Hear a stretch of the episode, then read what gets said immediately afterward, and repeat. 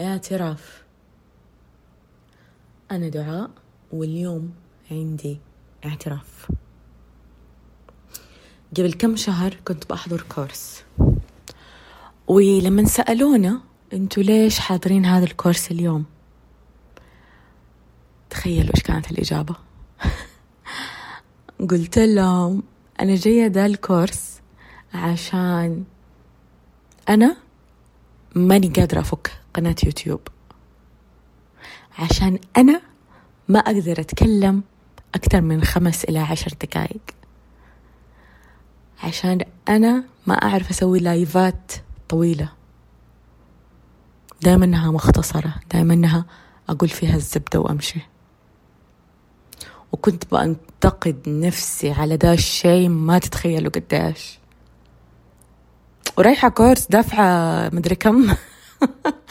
عشان بدل ما أقول كيف ممكن هذا الشيء يخدمني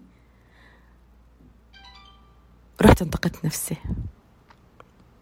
لأنه أحيانا الشيء اللي إحنا ما ندركه إنه عندنا نقاط عمياء على قولهم. فلما تكون عندنا هذه النقطة العمياء ما نسأل أسئلة كفاية. أنا في هذاك الموقف ما سألت. أنا حكمت على نفسي نفسي واستنتجت إنه أنا ما أعرف أتكلم لوقت طويل مع إنه حطوني في class.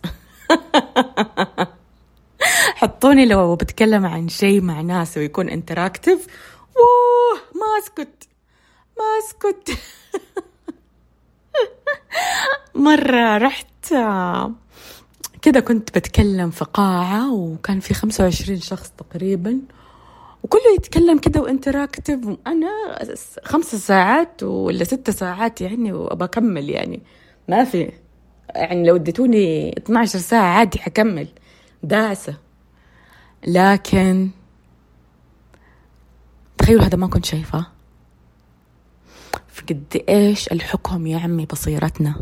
حقيقي. و سؤالي لكم اليوم. إيش الشيء اللي حكمتوا فيه على نفسكم انه إنه هو غلط وما استوعبت إنه هو شيء قوة فيكم؟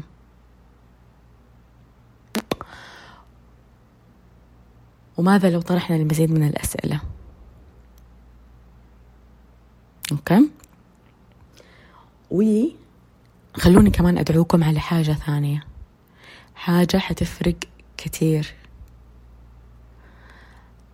لو في حاجة تبغوا تسووها ومحطوطة في الدولاب من أول شي تبغوا تبدأوه. ومطنشين واجهوا الموضوع. واجهوه. أيا كان شكل هذه المواجهة. بالكلام عنها مع أحد إنكم تاخذوا الخطوة الأولى.